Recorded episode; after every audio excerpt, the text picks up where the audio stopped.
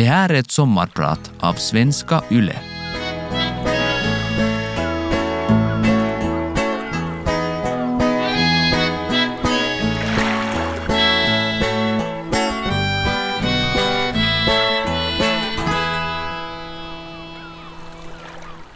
Du blir säkert psykiater, sa min professor i neurologi till mig när jag på 70-talet studerade medicin vid Helsingfors universitet. Varför tror han det, undrade jag. Han hade kanske hört den amerikanska definitionen av en psykiater, en judisk läkare som är rädd för blod. Skämt åsido, det var knappast det han syftade på. Då jag såg mig i spegeln förstod jag vad det kanske var fråga om. På den tiden hade jag svart skägg och jag liknade antagligen Sigmund Freud. Jag har varit psykiater och psykoterapeut i snart 40 år och idag ska jag tala om bland annat olika sätt att hjälpa människor övervinna problem. Och jag ska också berätta hur jag flera gånger kommit i krock med den rådande psykiatridoktrinen. Jag har kanske alltid varit lite av en annorlunda tänkare. Jag heter Ben Furman och är din sommarpratare idag. Så länge jag kan minnas ville min pappa, som var skräddare och jazztrummis, att jag skulle bli läkare. Det var också min egen barndomsdröm när jag var liten. Men under gymnasietiden blev jag intresserad av att fotografera. Jag hade en systemkamera och jag framkallade själv mina negativ och gjorde pappersförstoringar av dem. Jag fotograferade till och med omslaget till några av min musikervän Dave Lindholms LP-skivor. Hör du, jag blir nog knappast läkare, jag tror jag blir fotograf istället, sa jag till min pappa. Det tyckte han inte alls om och vi bråkade fram och tillbaka några gånger om saken. Du bestämmer inte vad jag blir som stor, skrek jag, medan min pappa försökte övertala mig att avstå från drömmen att bli fotograf. Jag minns en gång då min mamma blandade sig i vårt bråk. Hon hämtade efterrätten till middagsbordet och sa, men hör du Ben, du kan ju bli röntgenläkare. Då kan du kombinera båda två. Nåväl, jag blev inte röntgenläkare. Jag var också väldigt intresserad av psykologi och jag tänkte att jag ska börja studera ämnet efter studenten. Den idén tyckte min pappa inte heller om och han försökte fortfarande övertala mig att studera till läkare. Han gick till och med så långt att han frågade en vän till familjen den dåtida legendariska överläkaren Toivo Pihkanen vid Hesperia sjukhus om han skulle vilja tala med mig. Min pappa ordnade ett möte mellan mig och Pihkanen i överläkarens fina arbetsrum. Under vårt korta möte så förklarade professor Pihkanen för mig att om jag var intresserad av psykologi så borde jag studera till läkare. Det skulle öppna mera möjligheter för mig. Min pappa bad mig också tala med sin musikervän Claes Andersson. Jag minns nästan inget från samtalet med Claes, men kanske det också dels är hans förtjänst att jag slutligen valde den yrkesbana jag gjorde. Jag vet inte hur mycket min pappa betalade sina två vänner, men de lyckades tydligen övertyga mig att bli läkare. Efter studenten gick jag en preppkurs och lyckades komma in på medicinska fakulteten. Min pappa fick en del seger, men när han några år senare fick höra att jag hade börjat specialisera mig inom psykiatri såg han ledset på mig och sa Ben, kan du inte bli en riktig läkare? Det var inte bara min pappa som har fördomar mot psykiatriyrket. Jag var en gång på en skidresa utomlands med människor som jag inte kände från förut. På afterskin skulle vi lära känna varandra. Var och en presenterade sig, berättade varifrån de var och vad de studerade eller sysslade med. Då det blev min tur sa jag att jag var från Helsingfors och berättade att jag var psykiater. En i gänget tittade på mig med medlidande och sade ”jag beklagar”. Människor tror att det är ett väldigt tungt jobb där man måste lyssna på människors lidande från morgon till kväll. Ingen undran att det idag är brist på unga läkare som vill specialisera sig inom psykiatrin. En orsak är säkert att psykiatri anses vara ett mödosamt och dystert yrke. Jag skulle vilja övertyga människor att det inte stämmer. Det är sant att sorg och tårar hör till det här jobbet, men det är också ett arbete fullt med glädje, humor och värme. Man får hjälpa människor att återhämta sig, man får se hur de hittar lösningar till sina problem och man får ta del av hur de hjälper och stöttar varandra i krissituationer. Att vara psykiatriker är förvånansvärt glädjefullt och inspirerande. Jag har alltid varit lite av en annorlunda tänkare. När jag specialiserade mig inom psykiatrin så hade den psykoanalytiska teorin sina glansår. Nästan alla mina kollegor och också många psykologer valde att utbilda sig i psykoanalytisk terapi och det betydde att man måste gå i egen psykoanalys. Det innebar att vi måste ligga på en soffa. Ja, du hörde rätt, ligga på en soffa hos en psykoanalytiker tre gånger i veckan. Jo, du hörde rätt igen, tre gånger i veckan. Jag tyckte inte alls om det. Det kändes som bortkastad tid. Jag kunde inte förstå hur det var till nytta för någon att jag tre gånger i veckan låg på en soffa hos en psykoanalytiker och analyserade mina drömmar. Efter ett år slutade jag gå i psykoanalys. Att hoppa av terapin på det sättet är inget man uppskattar i psykoanalytiska kretsar. Det ses som ett tecken på att människan flyr sina problem. Men jag har aldrig köpt den vridna tolkningen. Jag ser det snarare som en styrka att en människa kan sluta med något sådant som hen inte gillar eller som hen anser att inte är till någon särskild nytta. Redan då märkte jag att jag tänkte olika än de flesta av mina studiekompisar och lärare, och det var inte alltid helt lätt. Men jag fick en bra orsak att lämna psykoanalysen, som då ansågs vara den enda rätta läran. Jag hade nämligen bekantat mig med en helt annan form av psykologi som kallades korttidsterapi. Den metoden är på sätt och vis direkt motsats till psykoanalys. I korttidsterapi fokuserar man på nutid och framtid istället för på barndomen och det förflutna.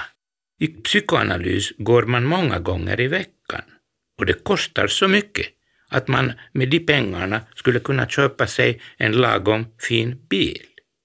I korttidsterapi går man bara några gånger och för de pengarna kan man knappt köpa sig en cykel. Psykoanalysens teorier är komplicerade och svåra att förstå. Man måste studera dem i år för att kunna tala om dem och ge ett intryck av att man verkligen vet vad man talar om. Korttidsterapins teorier är mycket enkla, så enkla att till och med jag förstår dem. Jag såg på psykoanalysen som en pseudovetenskap, eller kult, som hade lyckats sprida sina rön överallt. Man hade nästan fått hela folket att tro att homosexualitet var en sjukdom och att kvinnornas neuroser berodde på att de led av penisavund. Höpö, höpö, tänkte jag.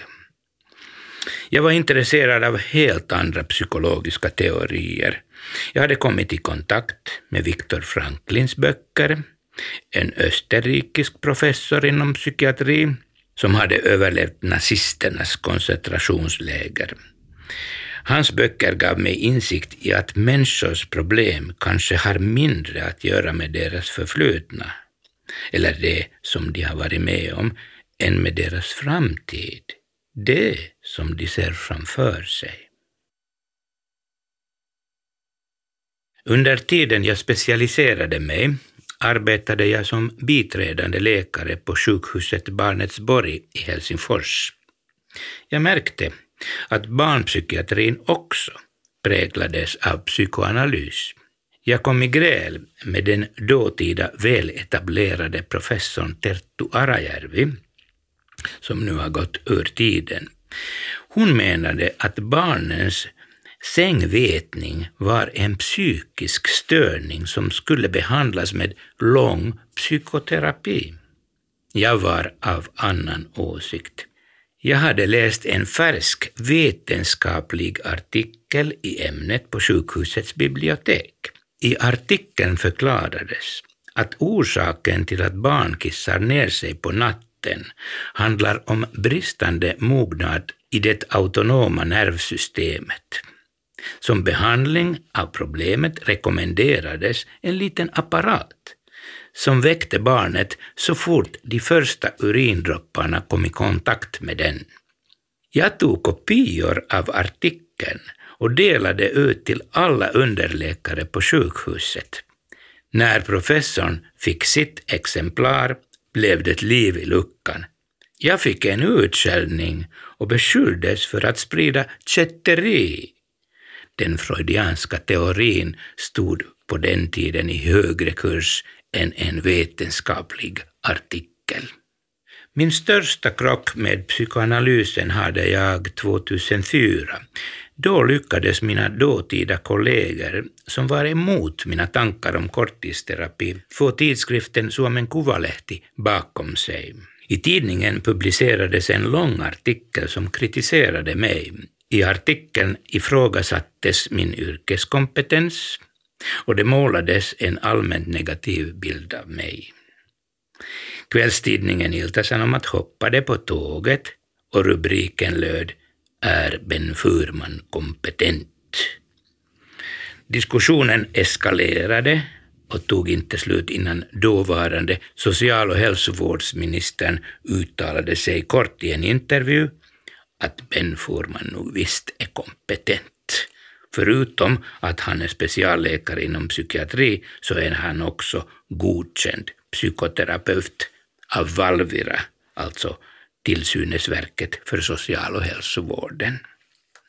Även fast jag fick så mycket skit över mig att jag skulle nästan ha kunnat gråta, hade jag egentligen ganska tur.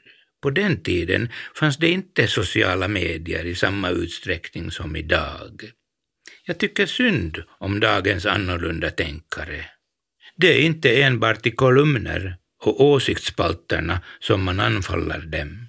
Om jag idag skulle hamna i ett likadant blåsväder som då, så skulle jag troligen få otaliga meddelanden på Facebook och Twitter, där jag önskas ta livet av mig, eller där man hoppas att jag blir våldtagen av nazister. Precis så grymt kan det låta. Om jag skulle kunna ändra på en sak här i världen så är det sättet hur vi kommunicerar med varandra, framförallt på nätet. Elakheten är skoningslös. Okej, okay, om man ska försöka se någon nytta med näthat så synliggör det hur vrickat människor tänker. Tidigare höll människor sina hatiska tankar för sig själva eller delade dem enbart med sina egna små kretsar. Nu blir dessa tankar synliga och det gör att man kan, åtminstone i princip, göra något åt saken. Vi kan kanske uppfostra en ny generation som tycker att näthat är lika knäppt som att dricka sig så stupfull att man slocknar, något som har minskat avsevärt bland ungdomar under de senaste åren. I början av 80-talet bodde jag några år i Lappland där jag gjorde min civiltjänst som läkare på en hälsovårdscentral. Jag märkte att sköterskorna ofta bokade en dubbel tid för mina patienter. På den tiden reserverade man 20 minuter för en vanlig läkarmottagning, vilket betydde att en dubbeltid varade 40 minuter. Varför har den här patienten en dubbeltid? frågade jag sköterskorna. Behöver prata, svarade de med betydelsefull blick. De hade fått för sig att jag passade som psykiater. En patient som kom till min mottagning vid hälsovårdscentralen berättade att hennes äktenskap var i kris. Familjen hade ett litet barn och livet med mannen var så svårt att hon hade börjat tänka att det inte fanns något annat alternativ än att skiljas. Jag frågade henne om hon ville att jag ska träffa dem tillsammans. Jag hade nyss läst en bok om parterapi och jag tänkte att jag i alla fall kunde försöka hjälpa dem. Frun lyckades övertala sin man att följa med och jag träffade paret några gånger med ungefär en månads mellanrum. Parterapin lyckades bra och jag blev nyfiken att veta vad det var i våra samtal som hade hjälpt dem. Under vårt sista möte tog jag mod till mig och sa jag har ännu en fråga innan ni går. Vad tror ni det har varit som har hjälpt er i våra samtal?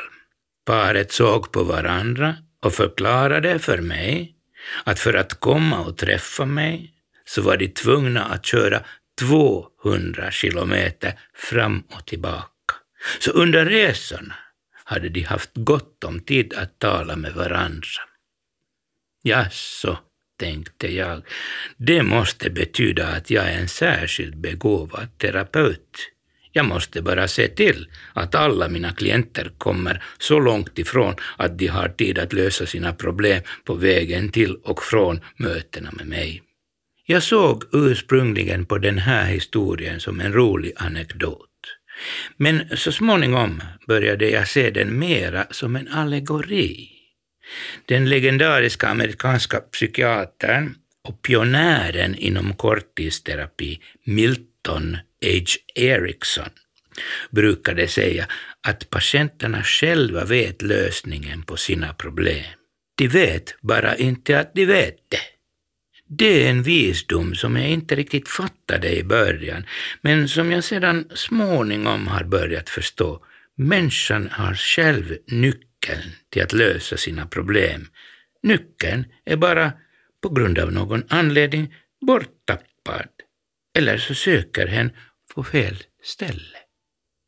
Jag heter Ben Furman och jag är din sommarpratare idag. Råkar du, bästa lyssnare, bo tillsammans med en människa som har en dålig vana som du önskar att hen skulle bli av med? Har du försökt säga till om den dåliga vanan? Vilken strategi har du använt? Har du prövat på den strategin som kallas anmärkning? Det går ungefär till så här.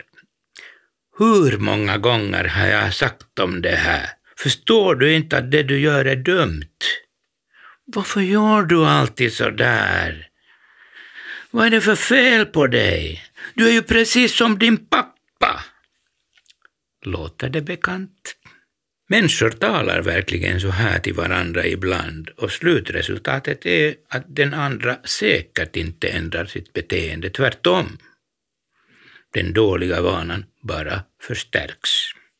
Att påverka andra människor är en kommunikationsfärdighet som de flesta av oss skulle kunna bli bättre på. När man kritiserar en person för att hen beter sig på ett otrevligt sätt börjar hen vanligtvis helt automatiskt att försvara sitt beteende, vilket gör det ännu svårare för hen att ändra sitt beteende. Men vi kan lära oss att påverka andra människor på ett bättre sätt, så att den andra personen verkligen hör vad vi säger och kan ändra sitt beteende utan att behöva förlora sitt ansikte. Det innebär att vi inte pekar på vad de gör fel, utan beskriver åt dem hur vi skulle önska att de gör istället. Jag blir ofta tillfrågad om jag använt mig av de metoder som jag lär ut då jag uppfostrat mina egna barn. Det får mig att tänka på mannen som skrev en bok om barnuppfostran. Boken hette Tio väsentliga råd om barnuppfostran för föräldrar.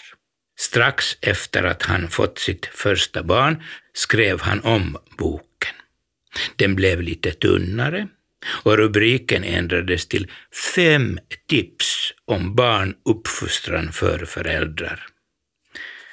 När han hade tre barn skrev han återigen om boken. Nu blev den bara ett tunt häfte som hette Några tankar om hur man kan överleva som pappa. Det är inte lätt att uppfostra barn.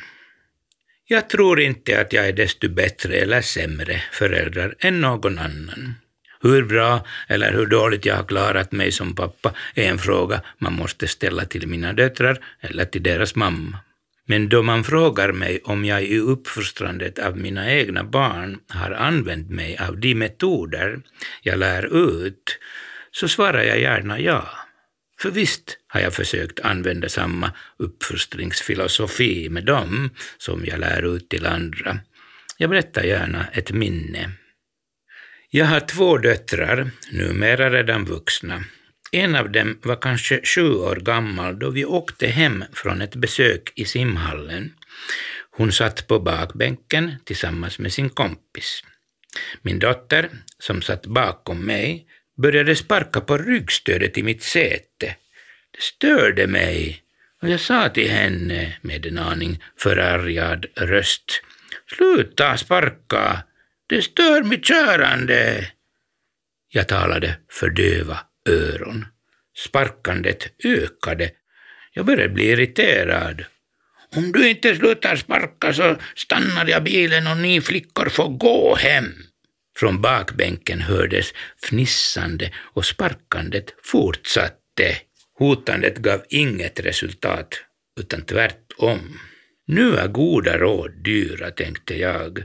Kunde jag möjligtvis använda mig av någon av de metoder jag själv lärde ut på mina föreläsningar eller föreslog till mina klienter.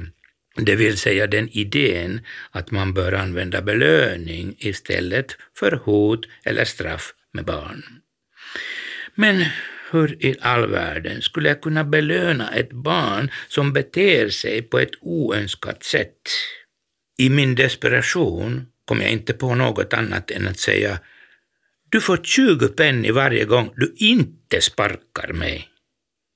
Jag kände mig som en dumskalle. Man kan ju inte betala ett barn för att hen låter bli att göra något dumt. Men till min stora förvåning så slutade sparkandet och resten av bilfärden gick bra. Jag glömde bort hela grejen, men på kvällen då jag skulle lägga min dotter i säng så sträckte hon plötsligt fram sin lilla hand mot mig. Jag frågade henne vad hon menade med sin gest. Du är skyldig mig en mark och 20 penny. Jag räknade varje gång jag lät bli att sparka. Jag försökte protestera, men minns jag rätt så var jag tvungen att betala henne.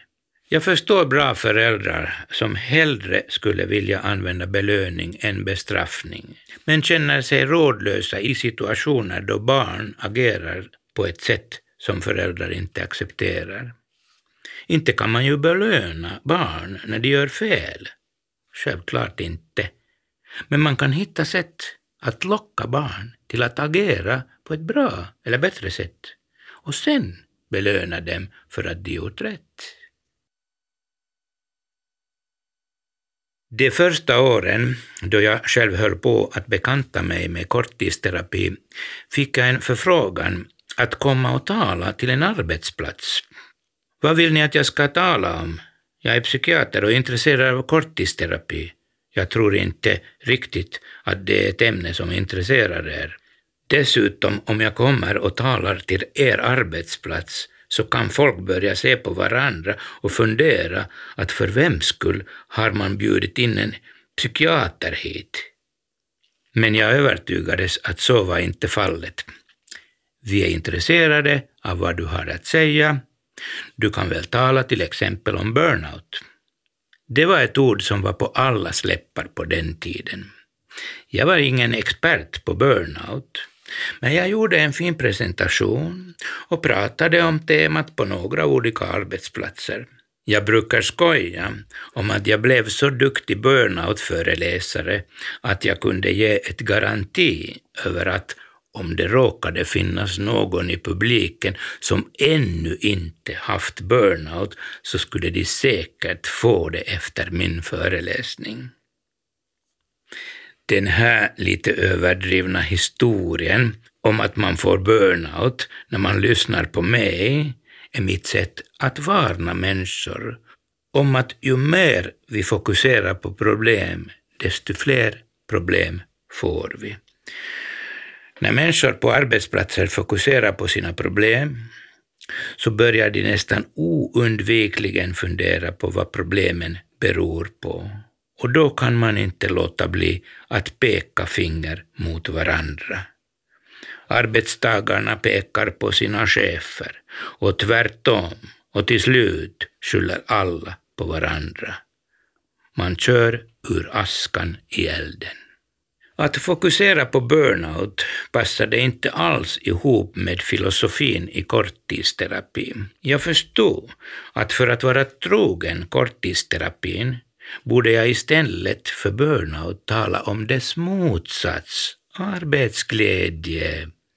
Jag tänkte att om en människa känner arbetsglädje i sitt jobb så är det svårt att få burnout. Det går ju inte att ha burnout och känna arbetsglädje samtidigt. Jag har hunnit fundera mycket kring hemligheten bakom arbetsglädje och skrivit till och med några böcker om ämnet. Jag har kommit till resultatet att det har att göra med flera olika faktorer, varav en, kanske den viktigaste, är glädjen över att lyckas. För att uppleva glädje över framgång måste man lära sig att uppmärksamma sina framgångar, analysera dem och dela dem med andra. Med framgång menar jag inte bara stora framgångar på jobbet, som till exempel löneförhöjning eller en ny position, utan också de många mini och mikroframgångar som vi alla upplever dagligen. Ju mindre märkvärdiga framgångar vi uppmärksammar, desto fler framgångsupplevelser kommer vi att ha. Om vi bara noterar våra stora framgångar blir glädjen över att lyckas oundvikligen en sällsynt företeelse.